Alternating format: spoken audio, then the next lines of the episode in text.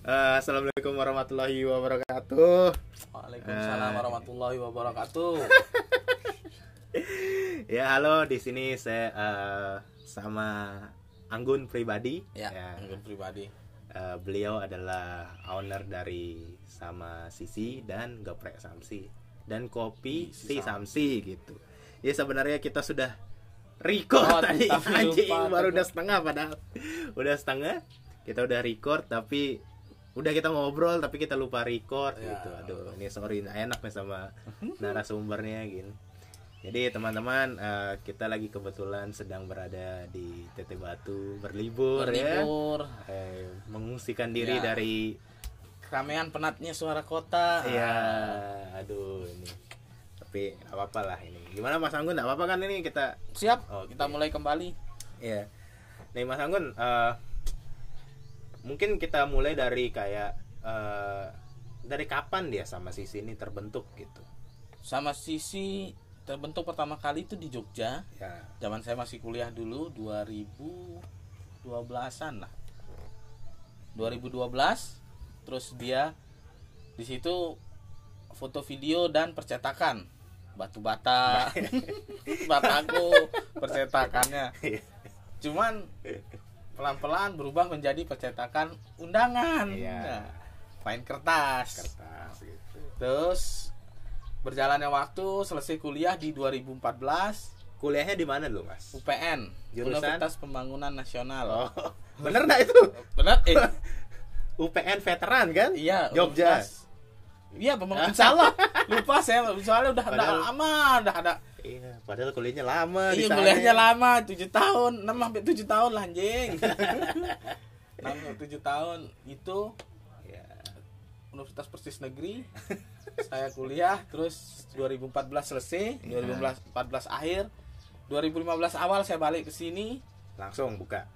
Cari tempat. Cari tempat. Cari tempat dato dato dato dato sekitar 4 sampai 5 bulan cari tempat waktu Hmm. itu 4 bulan perbaikan satu bulan langsung operasi operasi dia dia sekitar Agustus kalau nggak salah saya tuh lupa saya pastinya Agustus 2015 mulai operasi di samping KFC yang baru buka ya Yang dulu nggak jadi buka. ya sebelum jadi bersyukurlah KFC sekarang kita Samsi pindah. sudah pindah Ya. gitu kalau misalnya Samsi masih di sana di sebelah itu orang-orang tuh ketika nanya KFC di mana patokannya pasti Samsi Ya. gitu pasti Iya, jadi bersyukur. salah- bersyukur Tapi, UMKM ya, internasional. untung aja si Samsi ini Mengalah. lebih memilih mengalah supaya UMKM internasional tuh bisa tetap hidup Oh, gitu ya. ya. kasihan dia tuh. Udah tua yang punya. Iya.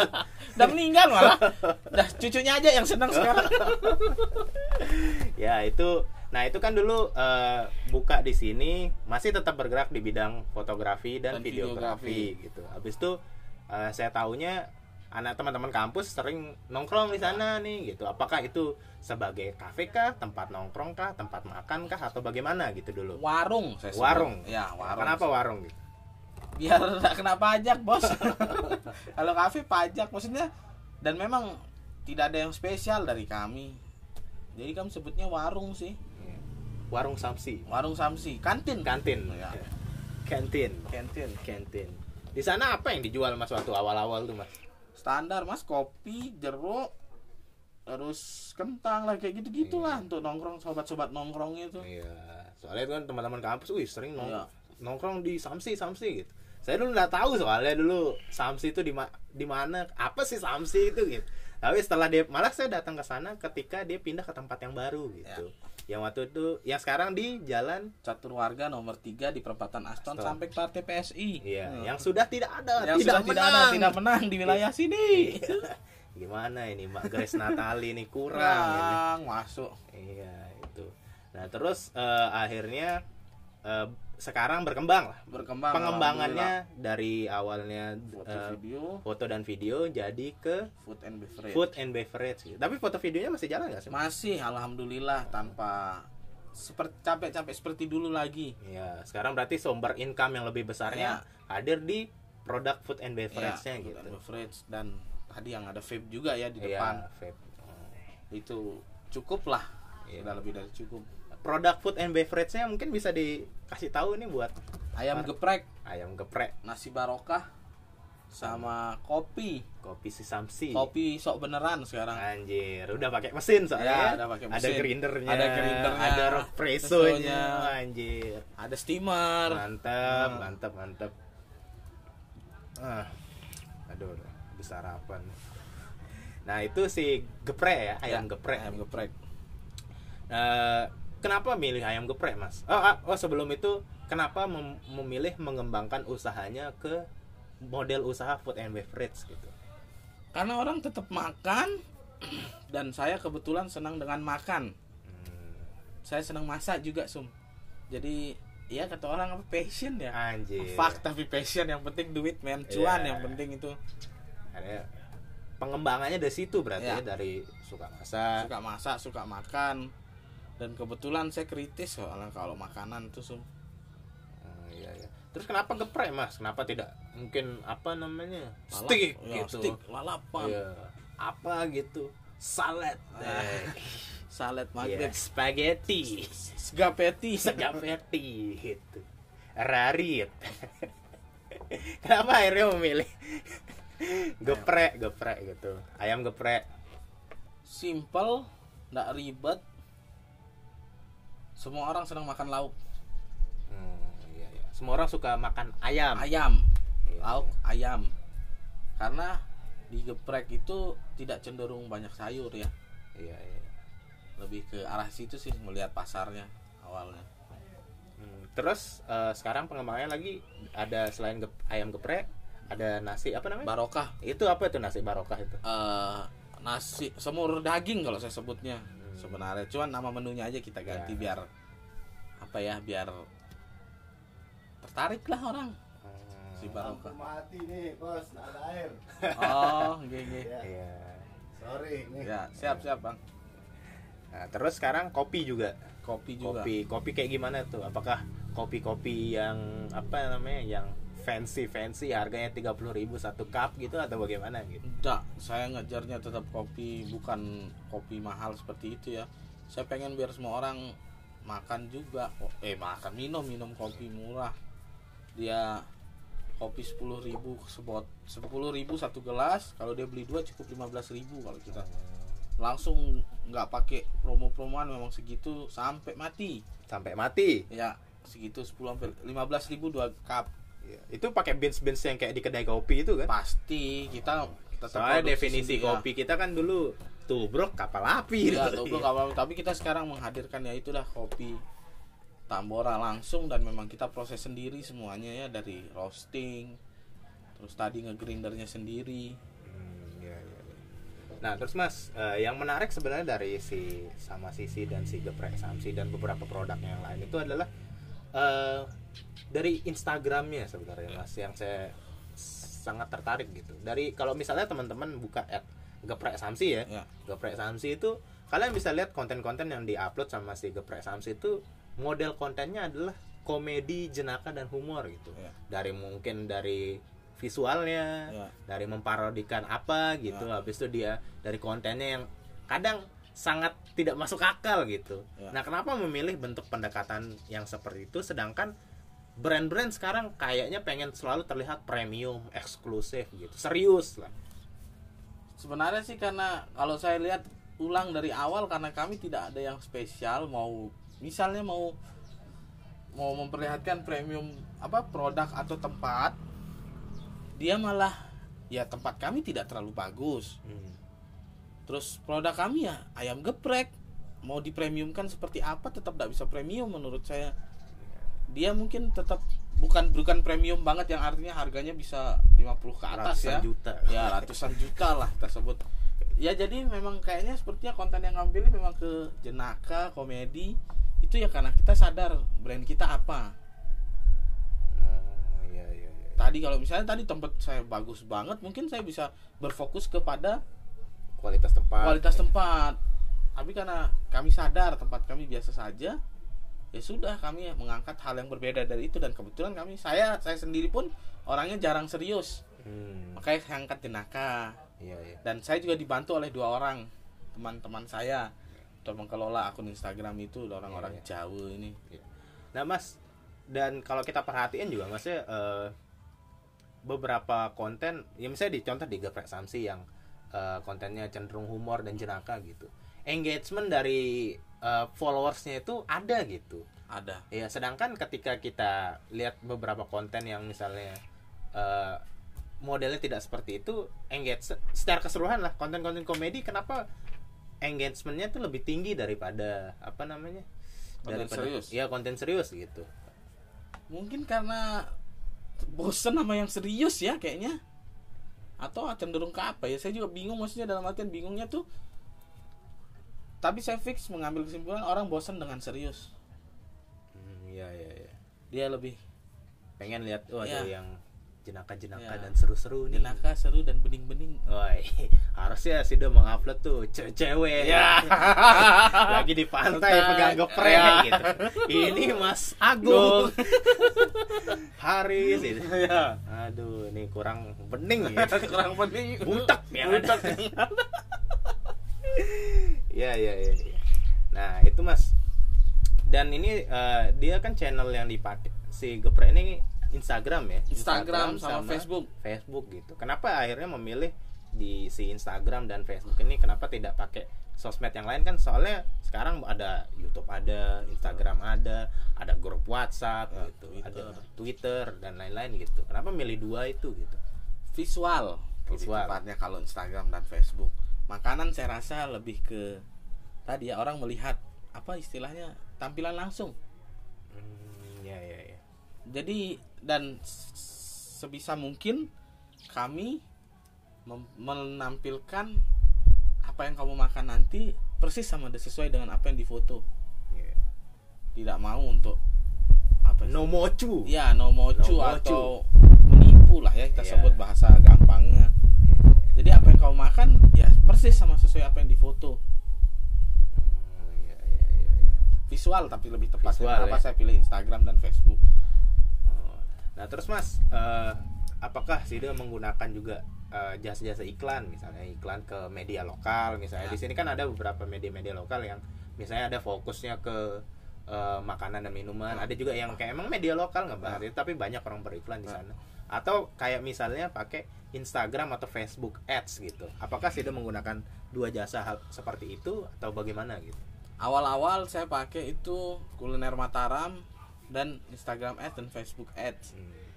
kuliner Mataram lebih ke untuk yang penting kita ditahu dulu Instagram Ads hampir sama eksistensi dan itulah ya dua tuh Instagram dan Facebook Ads lebih ke eksistensinya cuman ya tadi kelemahannya kalau kita mau ngobrol Eh, Dua hal ini pasti kayak eh, punya plus dan minus ya, lah. plus gitu. dan minus Nah, kalau misalnya pakai media lokal itu menurut Sida apa keuntungannya dan apa kekurangannya gitu? media lokal ya tadi kita bilang kuliner Mataram menurut saya positif semua nilai makanan kita Hmm. semua yang beriklan Tidak di sana ya tidak objektif tidak ya, jadi dia objektif menilai karena kayak, kita bayar iya. Aduh gila nih enak banget Ya, nih sumpah sumpah, pengen meninggal. Nah, Ay. sumpah lo harus order makanan ini sebelum lo mati Iya, iya. Berarti selebgram tuh media lokal lah kita menyebutnya. saya menyebutnya media lokal Tapi efektif gak sih menurut Sida sebagai sebuah pemilik brand dan usaha pakai beriklan di media selebgram lokal. gitu? selebgram Sekarang fenomenanya soalnya kayak gitu nih banyak nih. saya sih menganggapnya efektif efektif saja untuk ditahu Iya, tapi untuk keberlangsungan mengerikan mengerikan gimana gitu. ya kan seleranya si, si selebgram belum tentu sama sama dia bilang enak enak ternyata orang yang makan nanti saya Ih, tidak saya enak nih. bukan menyebut tidak enak ya selera yang Berbeda. beda ya Iya. ternyata kan selera itu kan pengaruh ya Iya. Iya, iya. Soalnya katanya selebgram tuh dia sampai mau meninggal. iya saya biasa aja kok sehat-sehat aja nggak mau meninggal sampai mau meninggal Ya. gitu. Nah, terus kalau Instagram sama Facebook Ads itu apa keuntungannya Mas dibanding misalnya kita beriklan lewat media lokal? lebih eksistensi kalau menurut saya untuk di situ tadi jadi kalau menyatakan kita nih masih ada terus Iya. reminder ya Iya, iya. dibanding tadi ke mana kuliner Mataram atau sel- selebgram selebgram Iya. ini jadi saya lebih memilih Instagram Ads dan apa Facebook Ads selain itu harganya lebih murah Oh. iya, iya. Tapi Mas dan juga menurut saya sih kayak media lokal itu dia spesifik nggak sih Mas? Maksudnya saya ngerasa eh, ketika kita pakai media-media lokal gitu dia kan jelas tuh apalagi yang ada brand-brand Mataram, Ya. Lombok dan lain-lain tuh dia kan spesifik tuh followersnya mayoritas pasti orang Mataram dan orang Lombok gitu. spesifik pasti iya kan sama di Facebook ad dan Instagram ad kita bisa tentukan Hmm. radius kan Oh iya iya iya, iya. benar-benar. It- kalau sebenarnya itu samanya aja sebenarnya Sama ya selebgram dan Instagram ads itu maksudnya selebgram itu meniru sistemnya Instagram analitiknya Oh iya iya. dia sudah perhitungkan lah itu menurut saya Iya, iya. Malah lebih spesifik. lebih spesifik, Spesifik. Instagram ads kalau kita Umurnya, umurnya demografi, demografi gender ya. dia suka eh semua sampai ukuran Hai. Ukuran dompet. dompet Hai. tahu iya. penghasilan iya. berapa Nah ini mas eh, berbicara tentang iklan gitu. Nah kita beberapa hari yang lalu pernah diskusi juga masalah eh, sekarang brand tuh banyak berfokus di iklan gitu, Ya. di iklan. Tapi kenapa dia tidak ber- berfokus pada potensial market yang Ya. sebenarnya Ya. di sekitarnya dia Ya. gitu loh. saya sih baru tahu juga masalah itu ketika saya ikut ya masa dua bulan pandemi kemarin Ah. itu itu saya ikut salah satu webinarnya orang besar lah saya bilang saya sama kakak saya ngikutin itu ternyata dia lebih dia menurut dia tidak efektif untuk Instagram Ads dan itulah selebgram. Media me- lokal. media lokal atau apalah disebut itu. Dia lebih penting dengan berfokus pada follower yang kamu punya aja dulu. Misalnya seribu ya kan kamu punya pertemanan dong di akun sosial pribadimu terus keluargamu terus tadi yang apa ekosistem kita sendiri komunitas kita sendiri pasti kan ada. Harusnya itu yang dikelola. Kok kamu berharap keuntungan dari orang yang tidak kamu kenal? Iya iya iya. iya. itu kesalahan menurut dia dan saya berpikir dengan baik Ternyata masuk akal gitu. masuk akal Iya, iya. Karena gini Mas, eh, kayak kita ngelihat juga kadang kita ngebangun brand tuh kita lupa sama potensial bayar Bayar. kita gitu. Kayak Sangat. misalnya buka warung nih di pinggir jalan A misalnya. Ya. Kita eh, tidak tidak sadar bahwa di sana itu ada berapa jumlah orang yang Ah, lewat, lewat setiap hari, hari. ada berapa orang yang tinggal di sana Sekitar, gitu. ya. Nah, malah kita fokusnya ke orang-orang yang kayak yang dibilang jauh tadi, yang, tidak kenal iya, sama kita, tidak gitu. tahu yang jauh lah kita sebut semuanya kok bisa ente mengharap orang lain yang ente tidak kenal untuk beli produk. iya ya. untuk beli produk Iya, berarti penting tuh catatan untuk iya teman-teman yang punya produk produk harusnya tadi orang sekitar dulu gitu. Tapi kan teman biasanya ih minta harga temen dong. Oh nggak apa-apa kasih sum. Oh. Lebih mahal. Iya ya nah terus mas eh, kan si geprek ini Sam, geprek Samsi ini juga eh, sering nih ikut-ikut eh, acara-acara bikin buat-buat stand. Ya. seberapa penting emang bi- eh, buka stand di apa namanya di sebuah acara atau event gitu? Nggak semuanya sih banyak sekali tawaran yang masuk ke kita untuk buka stand itu ya? booth ya. Cuman kami ngelihat juga skala acaranya.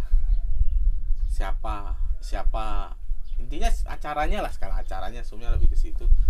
Eh, yang memungkinkan kita datang itu mungkin yang sudah jelas. Bukan kami sombong maksudnya itu ada tenaga besar untuk kita bawa Alat-alat alat ya. semua ke sana. Maksudnya ribet lah ya kalau kita cuman skala acaranya tidak seberapa sayang aja menurut saya Hmm. Nah, kalau menurut Sida apa aja yang bisa kita apa namanya? kita eh, dapatkan ketika kita ikut kayak gitu? Karena kan eh, kadang eh, si brand ber- berpikir dan kalau misalnya kita anu keuntungan tuh tidak selalu bentuknya kan duit gitu. Ya. Kayak misalnya produk kita laku 100%, Ya. tapi paling tidak kita menjangkau market baru tuh Ya. ketika kita ikut acara apakah atau menurut Sida wah, saya Untung. ikut ikut acara seperti itu harus untung aja gitu. Untungnya dalam bentuk duit gitu. kalau atau bagaimana? kalau saya pribadi tidak mikir ke situ tidak keuntungan uang yang saya harapkan saya lebih berpikir menjangkau lebih banyak lagi pasti dia bakal kembali dan ternyata terbukti Iya, iya, iya. berapa kali ikut event eh ada aja orang baru datang berikutnya Karena emang kan mas paling susah emang ketika kita jualan produk itu pasti menjangkau pasar baru menjangkau gitu. pasar baru ya Itu ya orang kenapa mengalokasikan anggaran ya spend money-nya ya, lebih marketing ya. yang dan promosi yang lebih besar, Besar. gitu.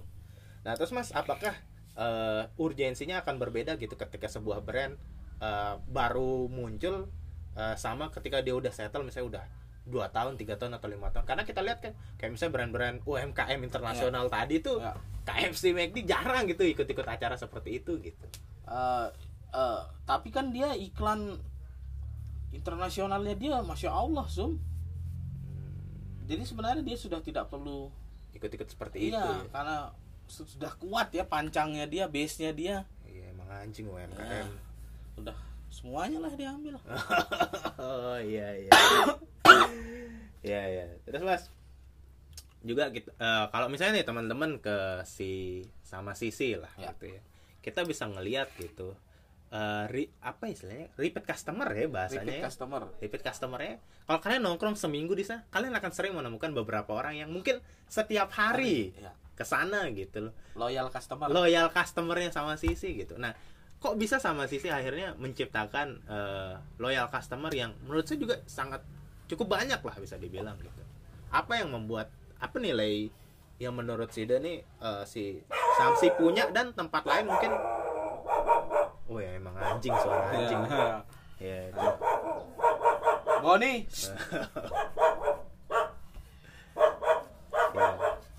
ya itu kita lagi di sebuah tempat yang kebetulan ada Kebun anjing. binatang. serigala barusan Serigala. serigala Ya. Boni Boni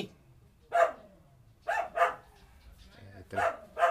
Bentar Apa tadi? Eh, masalah customer Ya. loyal customer. Udah dimin aja nanti tinggal edit biar saya nggak capek edit maksudnya. oh Ya.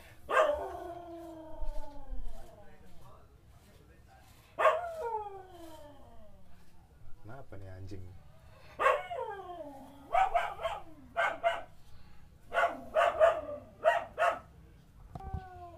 Cek, oke.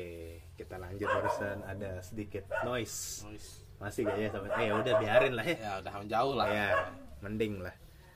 Nah, tadi kita ke eh, loyal customer, Mas. Loyal customer.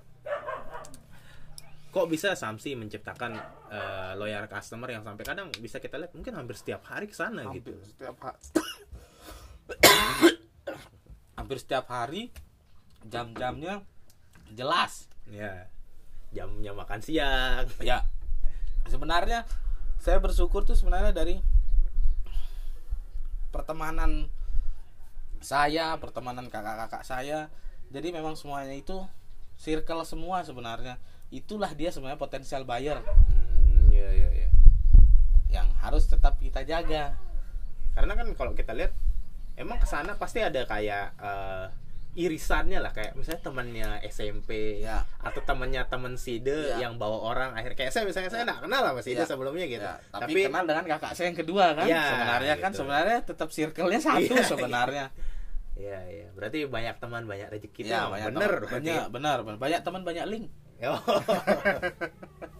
Iya berarti emang pertemanan mas. ya? Pertemanan. Pertemanan. Terus gimana misalnya kalau kita nih nggak punya teman tapi kita pengen buka usaha gitu. harusnya kamu cari teman dulu baru buka usaha Iya iya iya. minimal nanti kamu memperke- memperkerjakan orang yang terkenal Oh. yang punya banyak terkenal sih tidak yang punya banyak teman Iya iya iya. menurut saya itu karena tapi ini maksudnya skala bisnisnya maksudnya saya bukan ngomongin apa ya saya bersyukur punya banyak teman dan kakak saya juga punya banyak teman dua kakak saya punya banyak teman yang sangat banyak menurut saya mungkin lebih banyak daripada saya Hmm. dan kakak saya yang satu dan kedua itu masya allah teman-temannya lebih loyal Iya iya iya. dari dibanding saya dan dia selamat memang semua ini gara-gara itu dan alhamdulillah terbentuk circle-circle baru yang sampai saya tuh kadang sudah tidak kenal lagi siapa yang makan di tempat saya itu Oh. menurut saya sudah goals Iya iya. Akhirnya di luar pertemanan Di luar itu, pertemanan oh itu. ada ternyata Iya. orang yang tidak ada sangkut pautnya Oh, nih sama iya. eh, ekosistemnya Iya, Samsi. ekosistemnya malah datang gitu. datang Iya, iya. dan menjadi loyal customer Loyal juga customer gitu. juga. Iya iya iya. dan Iya, iya. kemarin pas jalan dari sama dari Mataram ke sini sama Arba ya ngomongin ini loyal customer yang dengan Arba dia, dia ngomong sama saya orang di tempat lain sih dia lupa dengan loyal customer di tempat lain tuh Iya iya. Soalnya Mas pernah gitu Mas saya eh, waktu itu kan saya berada di sebuah komunitas yang sering di kafe-kafe gitu. Ya. Saya membuat acara gitu. Kadang kita tuh kadang bisa hampir setiap hari ke sebuah kafe Ya. gitu tapi ketika kita mungkin agak dalam tanda kutip ribut gitu yang dimarah malah kita gitu untuk alasannya jaga dong misalnya eh, kenyamanan orang lain, Lain. gitu padahal kan kita lebih sering ke sana daripada Ya. si orang yang baru Ya. itu gitu loh Ya. kita udah pasti nih kita repeat Ya. customer Ya. loyal customer ke sana gitu malah sering diperlakukan seperti itu gitu kalau saya sih di tempat saya bebas kamu mau ngapa-ngapain cuman ada batasan tetap ya kalau itu saya saya nggak pandang loyal customer atau apa ya ya cuman semuanya ada batasan menurut saya Hmm. janganlah kita terlalu Iya, tetap kita Ya, ada adab yang ya, harus kita junjung kan? ya junjung gitu. Iya. Nah, terus Mas, eh, kita ngelihat misalnya eh, teman-teman kalau misalnya ke Samsi nih, dari segi visual tempat tidak urak-urakan Ya, gitu. awur-awuran Terus, tempat eh, nongkrong produk masuk cuma harus- satu produk yang dijual Iya. gitu. Tapi kenapa orang-orang tadi akhirnya kayak, woi seneng nongkrong ke sana Iya. gitu loh. Sedangkan kita ngeliat sekarang banyak eh, tempat yang Instagramable Betul, gitu. ya. Tapi ya udah ada yang berhasil, ada yang gagal Ah, gitu. dan rata-rata datang ke sana cuman satu kali saja Iya, untuk cuman foto-foto. gitu. foto-foto nah di tempat saya kan kebetulan tidak ada seperti itu dan tempat nongkrong di nongkrong di saya tuh di mana lagi kamu nongkrong harus lepas sendal Udah kayak masjid. Oh, iya udah kayak masjid men Iya. dan itu buat siapa pun saya tidak pandang Iya, iya, iya. harus lepas itu aturan pertama masuk di Samsi Iya. setelah itu silahkan mau ngapa-ngapain tadi memang banyak lupa orang sama loyal customer itu sebenarnya menurut saya Loyal customer ya. Iya. Penting sekali penting ternyata ya. lah saya maaf maaf Sum, anggap orang lain tidak ada datang ya yang saya tidak kenal dia pasti saya dapat berapa sehari itu iya kan Iya, iya. kalau mau dibilang Dan kalau kita lihat ternyata ini yang menyelamatkan ketika pandemi kemarin itu. ya. Iya Meskipun ya pastilah pasti turun, turun gitu. turun Tapi turun banget ada beberapa tempat yang katanya dari misalnya 4 juta jadi cuman sembilan puluh ribu Iya 90 ribu Tapi Iya. akhirnya paling tidak sama sisi Tetap cash flow-nya bisa ya ngebuat berjaya- hidup ya, kan ngebuat hidup gitu. Loyal customer Oh, men ya. Nah. Terus juga mas eh, Kita ngelihat sekarang eh, banyak kafe ngebuka tempat gitu Yang ngejual Yang dijual malah instagramable-nya gitu Ya. Efektif gak sih kayak gitu tuh gitu? Jadi sebenarnya kayak itu itu tuh sebenarnya dia cuma nyari uang cepet menurut saya Sum. tidak keberlangsungannya.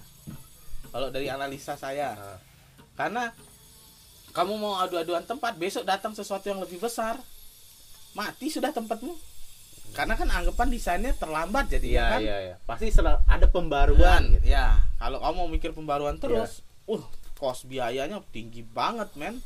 Iya iya iya nggak bisa dipungkiri itu Iya soalnya kan kafe akan muncul mungkin setahun tuh berapa kafe Iya. baru yang muncul lima tahun Iya. tapi dengan desain yang mungkin anjir kok keren sekali keren, gitu. keren banget Iya gitu berapa tempat tapi mungkin setahun dua tahun setelahnya tempat itu usang iya usang lah bisa dibilang gitu dan apa namanya kita tidak kayak misalnya kalau saya ngerasa ketika kita datang ke sebuah kafe nongkrong gitu tempat makan atau tempat nongkrong lah gitu. Ya. ada beberapa alasan yang ngebuat kita balik lagi ke sana misalnya kalau eh, makanannya enak misalnya Ya. nih terus tempatnya nyaman Ya. gitu Eh, apalagi harganya bersahabat Nah, gitu. harga bersahabat Nah, ketika misalnya beberapa tidak ada alasan dari tiga tempat ini, kita nggak akan balik ke sana Iya. gitu loh. menurut saya sih ya itu dia sebenarnya yang tempat nyaman atau enggak tempat bagus instagramable yang saya tahu satu kali datang lah orang. Sudah dapat foto-foto cukup enough. Cari tempat baru lagi. Ada customer seperti itu. Dan saya bukan berfokus ke customer itu. Iya, iya. iya. di sama sisi malam minggu pasti sepi sum. Iya. Ya, baru saya. Ya, pasti itu sum. Malam minggu karena teman-teman ini atau customer customer ini cari tempat cari baru. tempat baru. Nah, permasalahannya seminggu ada tujuh hari. Kadang tempat baru tuh cuma ramai sehari. Iya. Malam minggu doang. Iya, Iya, iya, iya. Benar, benar, benar. saya enggak berfokus ke malam minggunya. Saya berfokus di enam harinya. Oh, iya, iya. Mantap, mantap. Nah, terus Mas, mungkin di bagian untuk closing lah Ya. ini cukup lah. Cukup. Ya, baik. Nah, eh, tadi kita bilang eh, sempat dibahas juga masalah kalau misalnya kita tidak tahu mau jual apa gitu.